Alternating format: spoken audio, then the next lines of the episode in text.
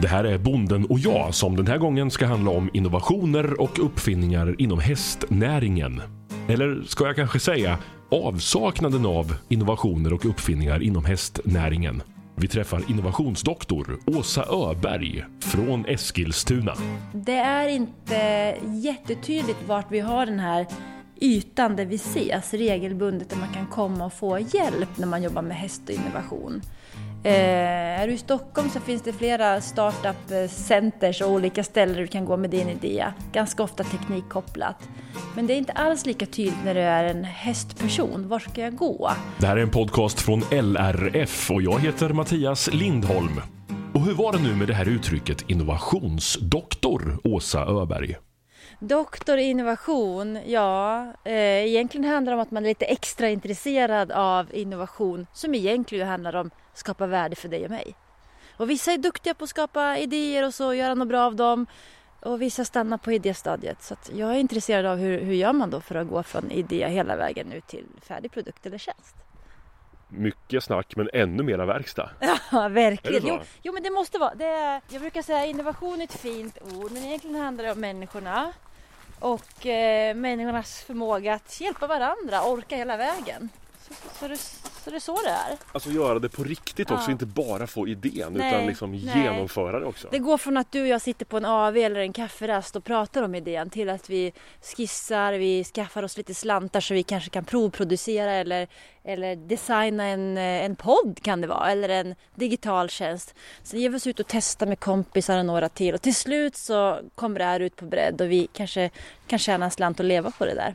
Men vad spännande! Ja. Och det ska handla om innovationer ja. i hästbranschen. Jajamän. Men du är ingen hästtjej? Nej, jag är inte det. Jag, jag tror att jag ska bli det snart. Jag har ju tolv härliga hästföretagare nu som har eh, introducerat denna värld för mig. Det här måste vi prata om. Ja, ja. Men du har ju fixat kaffe, vi tar och vi, går in. Vi går in, det gör vi Mattias.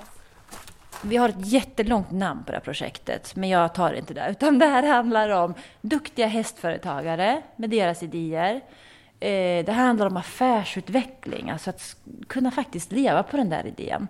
Eh, vi säger också innovation, det här ordet som kanske kan vara svårt ibland att relatera till. Och så säger vi internationalisering.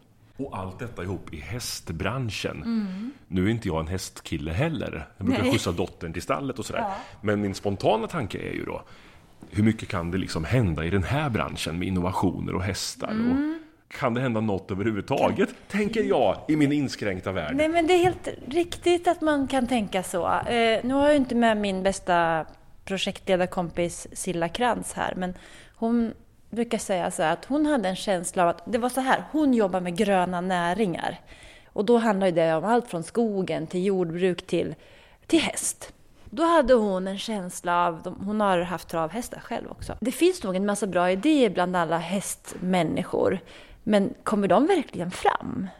Vi brukar ju prata om tech-Sverige och att ja. Sverige är bland de bästa länderna i världen på innovation. Och då kan man ju tänka på Spotify och Klarna och... Ja, det hamnar ofta där ja, som exempel. Ja, så hon gjorde ett seminarium först för att scanna vad har vi för hästidéer. Och det ledde till en förstudie där man liksom med en, ja vad kan det ha varit, någonstans runt 20 olika hästaktörer ville känna sig fram lite. Vad har ni för idéer och har ni drivet att jobba med de här? Och så landade det i ett, ett stort projekt då, från Tillväxtverket på två och ett halvt år där vi skulle hjälpa, det blev tolv drivna hästföretagare med deras idéer och ta dem så långt det gick då. En av deltagarna i projektet det var Janina Henningsson. Hon har tagit fram en hästvåg och trots att behovet verkar vara jättestort vad gäller just att kunna väga sin häst på ett enkelt och smidigt sätt hemma så tycker Janina att det är svårt att få uppmärksamhet, att bli lyssnad på och att människor ska ta produkten på allvar. Ehm, det finns ju en himla massa utmaningar som eh, man har bortsett ifrån tidigare. Man har kört på som man alltid har gjort och sen eh, inte riktigt velat tänka nytt, tänka utanför boxen. Och just som, som tjej blir man oftast lite förbisedd, eh, särskilt när det gäller häst, hästbransch. Hästar är gulliga, söta små saker. Det är ingenting man kan jobba med, det är ingenting man kan tjäna pengar på. Eh, det är en hobby liksom. Men, men vi som har hållit på hela livet mer eller mindre, vi, vi har ju sett många saker man kan förbättra. Och eh, har man då lite kunskaper från andra branscher så brukar vi gå och applicera mycket i våra branscher också. Mm. Vad har du märkt då? Vad har du varit med om och vad har du velat förändra som har varit tufft? Ja, men just att man kan jobba mer förebyggande. Eh, att man har lite nytänk. Man vet ju hur man själv jobbar med på humansidan till exempel med eh, övervikt och liknande och hur man ska göra för en, en eh, hållbar träning. Och eh, det har man ju inte riktigt gjort på hästsidan. Så där, eh, där finns det jättemycket att göra. Vi pratar väldigt ofta om hur mycket en häst väger men ingen vet egentligen. Det är, det är gissningar, det är uppskattningar. Det är väldigt få människor som har vägt en häst på en riktig våg. Och det är en ganska, ganska väsentlig del. Dels i sjukdomsmässigt hälso, hälsoförebyggande men eh, även när man ska lasta hästen i hästtransport. Eh, det är extremt många som åker olagligt. Eh, och där är kunskapen dålig även från uppifrån, alltså de som utbildar, de, när man tar ett BE-körkort till exempel. Körlärarna har ju ingen koll vad en häst väger. Men du, då finns ju behovet här om du säger att man kör olagligt i hästtransporter och man vet inte vad hästen väger, man uppskattar bara. Absolut. Men kopplat till det, det här du säger då, att det är svårt att få fram sina innovationer. Hur kan mm. det fortfarande vara så här om behovet är så stort? Alltså det har ju alltid funkat ändå, säger folk. Eh, välfärdssjukdomar ökar bara, men, men ändå så blundar man lite grann. För att det är ju, det här är en helt ny nisch liksom, som inte finns, inte i Sverige i alla fall, eh, inte har funnits. Och då är det jättesvårt med, det är svårt med korrekt prissättning, det är svårt med behovsanalysen, där, att, att faktiskt få målgruppen att inse att det är värt pengarna i längden. Det är ju en väldigt, väldigt billig insats jämfört med vad man tjänar i längden. Men om, man, um, om det finns så mycket bra idéer ja. ute bland våra stallar, ute i stallarna just nu då, som inte kommer fram. Vad ska till för att det här ska bli bättre? För att ni ska bli lyssnade på och för att även hästbranschen ska bli en innovativ bransch? Ja, men alltså sådana här projekt som vi har fått vara med i nu är ju en jättebra start. Ehm, det är ju jätteviktigt att ha ett nätverk som backar upp, som har samma bekymmer och utmaningar. Ehm, för ju fler man är, desto mer kan man påverka. Att man har andra i ryggen. De kanske har egna erfarenheter man kan dra nytta av. Ehm, man kan förhandla med olika leverantörer på ett annat sätt. Det är jätteviktigt. Och sen att man framförallt får verktyg hur man ska ta sig vidare. Eh, det kan ju vara allt från finansiering, det kan vara marknadsföring, det kan vara så enkelt som hur skriver jag en, en bra vision för mitt företag. Det är ju en jättesvår sak egentligen. Eh, så kan man få de, de här handfasta grejerna, man får hjälp med dem så kan man komma en bra bit på vägen. Det sa Janina Henningsson, deltagare i projektet Hästinnovationer. Och nu tillbaka till projektledaren, Åsa Öberg. I varje person som jobbar med häst, i dig och mig och i hästarna också, så finns det ju guldkorn. Det finns ju saker som händer i oss och saker vi ser som man kan ta vara på om man orkar. En chefsveterinär som har jobbat 30 år har säkert sett några föl som har lite bekymmer med sina eh, fötter, ben. Mm. Vad skulle man kunna göra med det? Jag får inte berätta vad hon tänkte. En eh, kommunikationsreklamtjej ser att eh, reklam runt häst är ganska gammeldags och tråkig. Borde man inte kunna göra det bättre? En, en supertränare som tränar elithästar tycker att stallen är för mossiga och gammeldags och man använder metoder från 50-talet. Är det, kunna... är det sånt ni har upptäckt i den här resan? Ja, det är lite av eh, deltagarna. Då brukar jag säga att varje deltagare bär på sin historia, kommer från någonting och har guldkorn i sig och vågar plocka fram dem på bordet och säga hjälp mig ta det här längre. Så det har man haft turen att få göra i våra projekt. Men vad roligt! Vad, vad har det blivit för riktiga produkter kan man säga så? Har ni sett någonting? Jo då, alltså vi har ju, jag brukar utgå från mina, mina 12 hästentreprenörer när jag pratar. Och åtta av tolv har skapat det vi kallar för en prototyp. Då har man tagit idén från den här fikat som du och jag har nu till en, till en skiss till någonting man kan sälja och prata om. Man har skaffat sig kanske en slant för att bygga en app.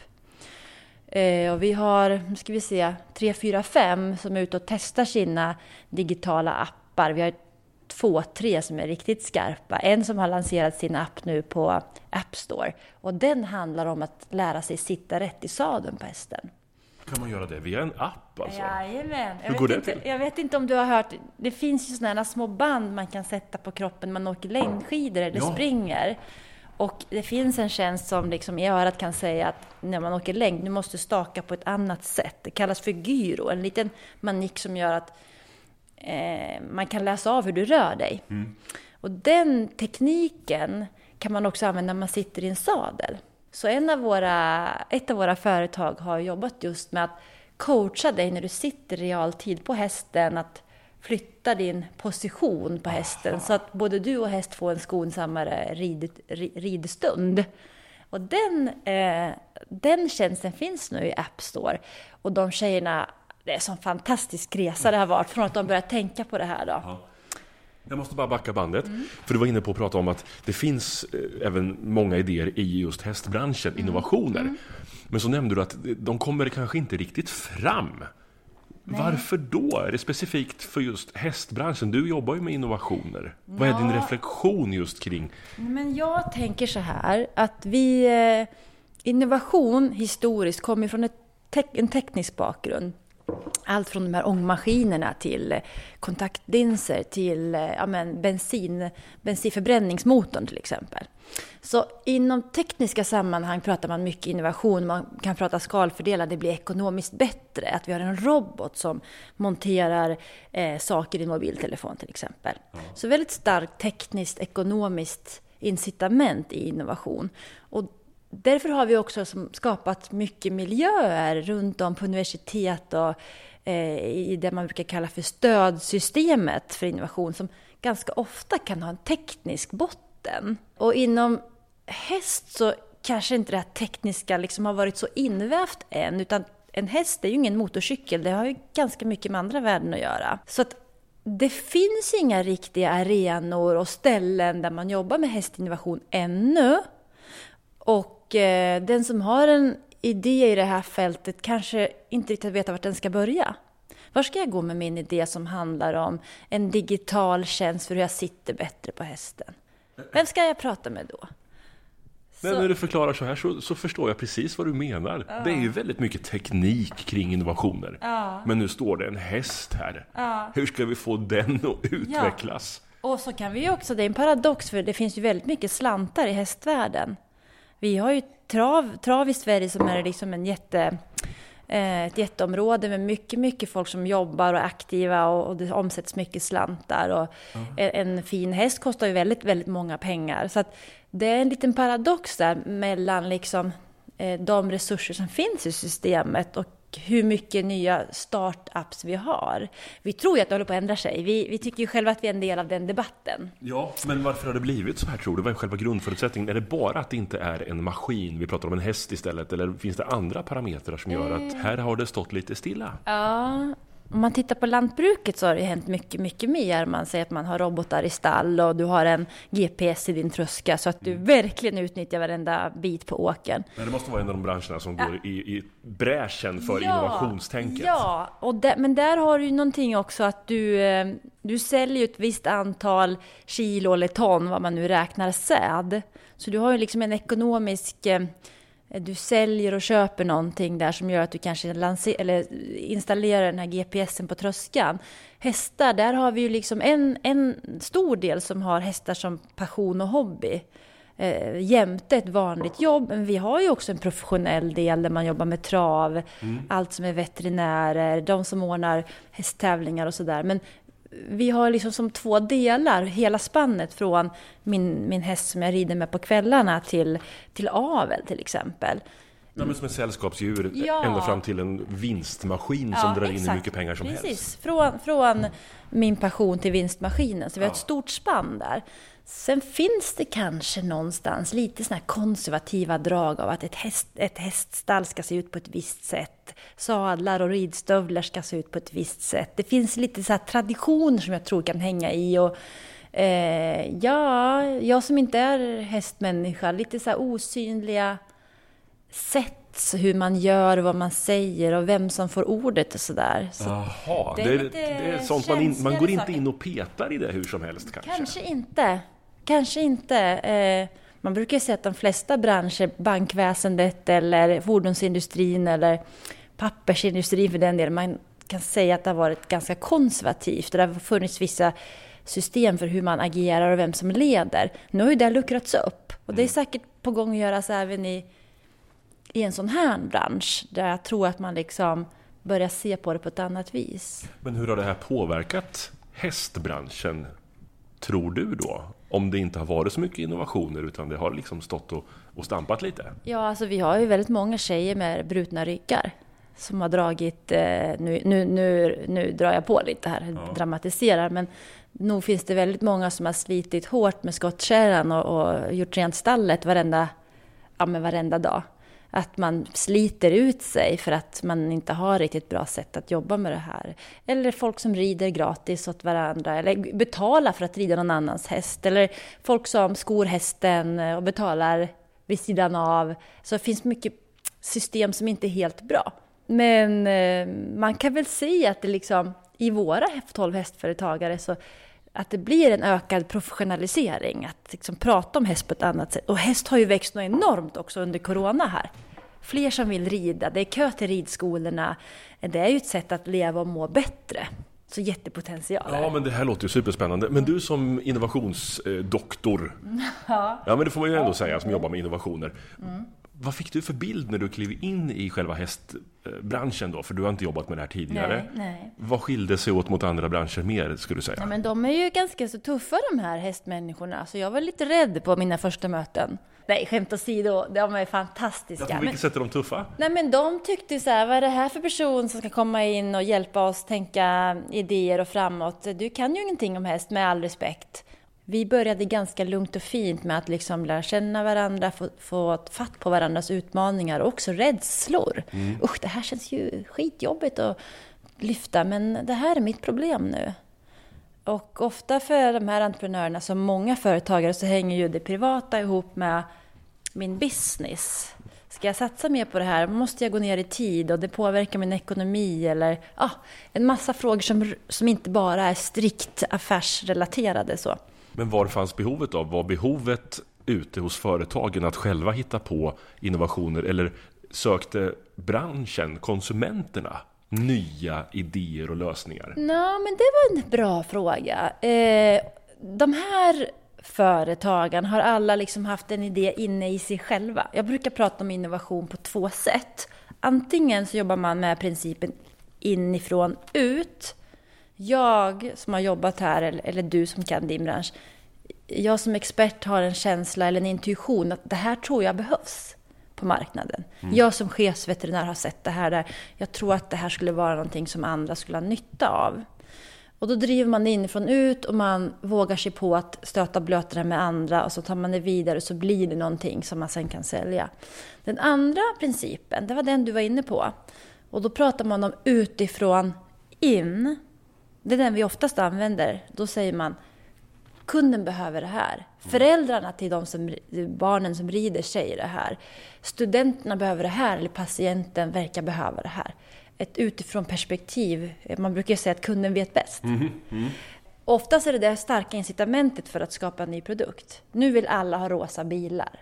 Låt oss bygga en rosa bil. Det är väldigt förenklat. Men då brukar jag ta upp det här exemplet med Henry Ford och, som tillverkade bilar. Att om jag hade frågat människor vad de ville ha, då hade de velat haft snabbare hästar. För, för, att ta sig från Eskilstuna till Stockholm till exempel. Så man kan inte bara gå på utsidan in. Kunden vill ha, kunden vill ha rosa grimmor. Nej. Eller vad det kan vara. Ofta går det.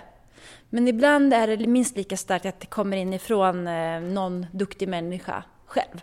Men fanns behovet överhuvudtaget att ha innovationer inom hästbranschen? Eller var den så pass bra så att den kanske är färdig? Eh, eller? Nej, men jag tror att många nöjer sig med det som är. Till exempel så har jag lärt mig nu att när man skriver, man skriver om hästens hälsa, när den är vaccinerad, när den är skodd och lite olika saker, vad den är, foderstatus, hur den äter. Då, kan, då har man en bok, pappersbok så här som jag sitter och håller i nu, så skriver man med penna. Då berättade en av mina deltagare att vad händer ibland? Jo, man glömmer den där i hagen. Så ligger boken där och allt så har det regnat och så är all text förstörd. Så ska du på tävling så måste du visa att min häst är vaccinerad. Nej, går icke, du kan inte vara med. Och, och därifrån föddes behovet av att, men varför har vi inte en digital lösning på detta? Fast det Eh, låter ju superenkelt. Alltså, ja. har de inte ens kommit... Har vi inte? Nej! Förstår du min tanke? Ja, ja. Och då säger den här entreprenören att det här är ju, du och jag, ty, vi tycker alla det är jättesmart. Digitalisera denna process. Och om man har en medryttare så vet man vad som gäller för man har det digitalt tillsammans. Men då har vi en klurighet att folk har ju lärt sig skriva en bok och boken ligger i stallet.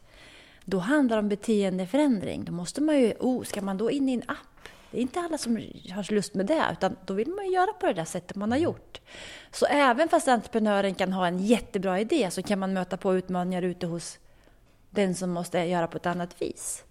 Och då gäller det att hänga i och orka liksom ha någon slant att jag fortsätter med min tjänst och försöker lansera den. Men, men är hästbranschen hopplöst efter? Alltså det låter ju som att det har stått stilla. Alltså, jag vet inte, vore det förmätet av mig att säga någonting om dem alla så. Ja, det är klart, men, alltså, eh, själva känslan Nej, men det är inte det. Alltså, de är så himla drivna, många, och vana att gå upp tidigt och vana att lyfta tunga, eh, dra tunga skottkärr. Det är liksom ingen, ingen bransch där man klagar över något, utan man hugger i. Sen är det väl som vi alla med människor, det är enklast att göra som vi alltid har gjort. Mm.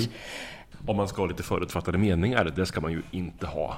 Det är ju har det. sällan bra. Men om jag ändå plockar fram en, så har jag en förutfattad mening om att det kanske är ofta tjejer som rider. Ja. Alltså överlag. Ja. Så. Det finns ju också killar. Men om det nu stämmer att det mest är tjejer, kan det påverka att deras idéer inte blir lika mycket lyssnade på? Förstår du vad jag Spännande tänker? att du säger det där, för att jag, jag har haft hjälp av en, en kille och en tjej som har hjälpt oss utvärdera projektet här och jag fick deras, deras tankar bara här i dagarna.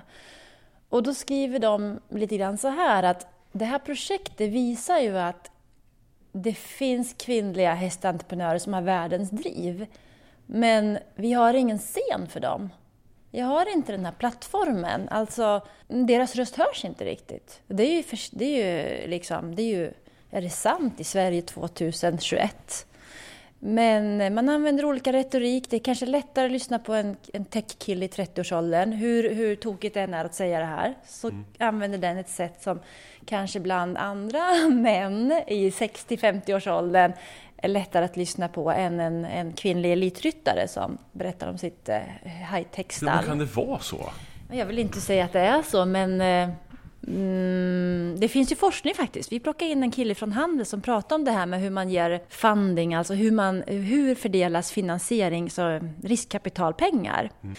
Eh, En jätteduktig kille eh, som är amerikan men som finns i Sverige och då berättade han för oss att beroende på hur man uppträder och pratar inför en, en panel av så här eh, affärsänglar så har man större eller mindre chans att, att få slantarna. Och det visar sig att ofta ger man en viss typ av frågor, uppmuntrande frågor till, till män. Eh, jag ser att det här är väldigt riskfyllt, men hur ska du lösa det Mattias? Medan man ger en annan typ av frågor till kvinnor där det är lite grann så här, har du tänkt på den här risken? Och nu säger det här med mina ord, forskningen berättar det här mycket bättre. Men att det finns liksom ändå någon sorts dynamik där i mötet mellan eh, entreprenör och den som sitter på slantarna som kanske inte är helt hälsosam. Han pratar inte bara om häst naturligtvis, utan vi eh, ville träffa honom för att vi vill prata om det här med kvinnligt entreprenörskap, att vi har ju mycket färre kvinnliga företagare och vad det beror på. Färre kvinnliga förebilder. Så om mina tjejer nu skulle, jag har ju två döttrar som är 13 och 15, om de vore ridtjejer så behöver de kanske se ett antal kvinnliga ridföretagare. Men det kanske de inte gör än. Så där har vi liksom en lång process att bygga förebilderna. Mm. Ja, jag har själv en dotter som rider. Ja, Och, då, och då, då, då är Malin Bajard är ju förebild. Ja, ja, ja, Hur viktigt precis. är det, tror du, för just själva utvecklingen i branschen? Ja, alltså hon, Malin sitter ju på hästen och rider. Hon är ju en idrottskvinna, men hon är också en businesskvinna. Men hon förebilder är ju superviktigt. Så här, man åker längdskidor så har man någon annan, då har man Kalla kanske eller så.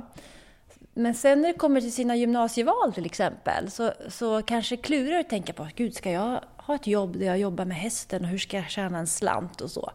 Där tänker jag att vi behöver liksom eh, hela tiden plocka fram förebilder. Plocka in dem i näringslivssidorna. Plocka in dem när det körs en näringslivsgala i en stad.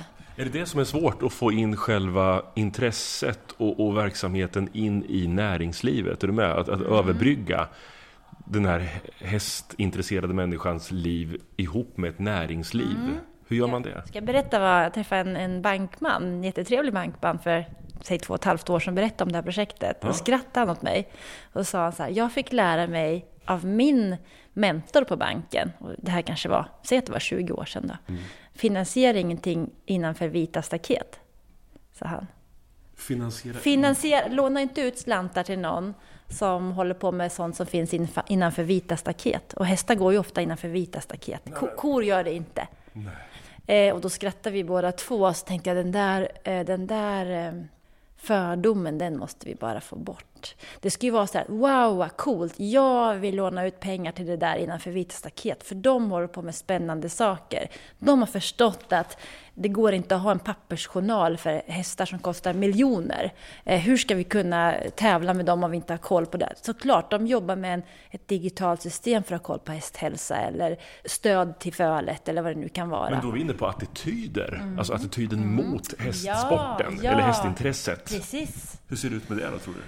Ja, alltså det beror nog på vart du är. Banker kan ju tendera till att vara konservativa.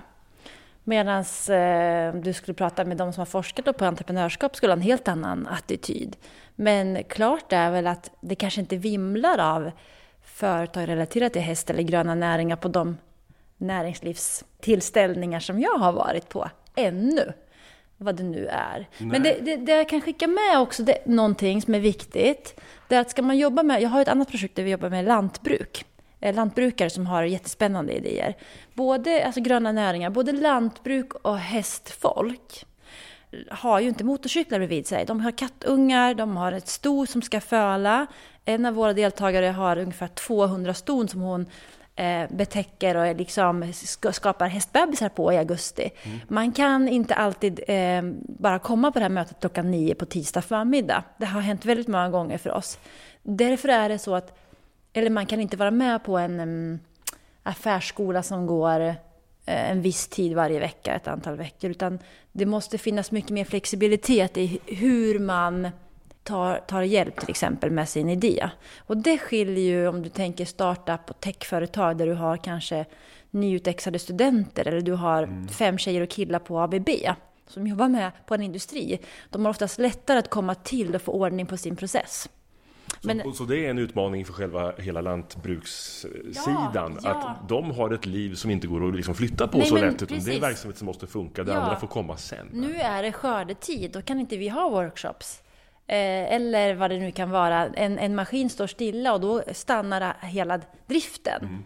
Så det där liksom, och då måste ju vi som jobbar runt de här ha förståelse för det eh, ta oss ut kanske till gården och köra mötet där eller vad det nu kan vara. Min, ut, min oro och vår utmaning nu, det är att det är inte jättetydligt vart vi har den här ytan där vi ses regelbundet, där man kan komma och få hjälp när man jobbar med häst och innovation. Eh, är du i Stockholm så finns det flera startup-centers och olika ställen där du kan gå med din idé. Ganska ofta teknikkopplat. Men det är inte alls lika tydligt när du är en hästperson. Var ska jag gå?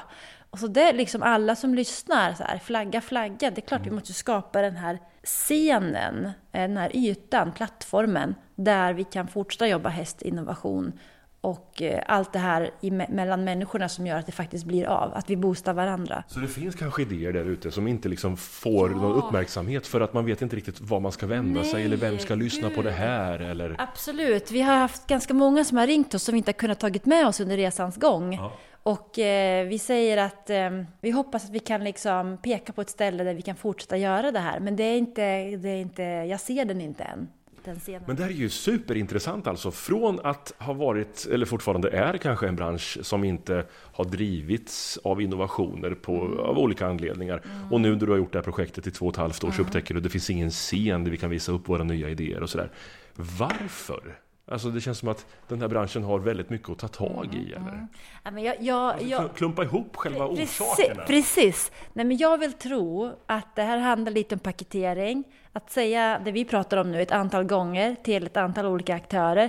Paketera ihop, hur skulle den här scenen se ut? Rita den på ett papper och trygga upp människor med att det är klart vi kan driva den. Eh, vi har många som är intresserade, men det är ingen riktigt som har klivit in än. Men även attityder pratar vi om. Ja. Är, det, är det inte tillräckligt hett eller Jo, tufft? men gud. Alltså, folk, det finns folk som vill det här. Eh, men vi behöver ha någon som är lite cirkusdirektören tror jag, som så här, trygga folk och tar med sig dem in i, i tältet, om vi nu ska säga så. Så att det här, när man lyssnar på dig nu, så finns det en jättestor chans att liksom koppla greppet Ja, och leda hästbranschen mot en framtid som är betydligt mycket mer offentlig och publik och attraktiv. Mm, ja, ja, absolut. Det är bara liksom, eh, det är frågan om vem som är först ut nu då. Så vi, vi får se vad som händer. Vad tror du har hänt om tio år när vi sitter där du och jag och pratar om det här? Nej, men jag tänker att vi har ju, vi lär ju ha denna hästscen, den kanske finns på flera ställen och att det är, kanske tillsammans med gröna näringar, någonting som är rätt så vedertaget. Det finns liksom en tydlig väg att gå. Jag går dit bort och där kommer jag få hjälp och det kommer inte vara så att min idé anses tokig eller dum. Tror du att det handlar om självförtroende hos de som pysslar med hästar? Eh, att man inte liksom tar det här greppet eller går i bräschen eller tar klivet fram och berättar att jag tänker så här med min idé. Mm, Jag tror att man har ett grymt självförtroende när det gäller häst och sitt, eh, om man är ryttare, där man kan där. Men när man ska ge sig in på ett annat område, vilket då kanske är affärsutveckling, då måste man använda lite andra ord. Och är man inte superdriven där så kanske det är lite jobbigt. Men sitter man tillsammans med någon som kan de orden, då lär man sig dem. Och så kan man prata med självförtroende även om det. Du har lyssnat till Bonden och jag, en podcast från LRF.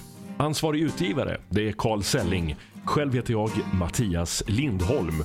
Och det finns massor med fler spännande avsnitt i den här serien så det är bara att klicka sig vidare och fortsätta lyssna. Tack för den här gången. Jag hoppas att vi hörs snart igen.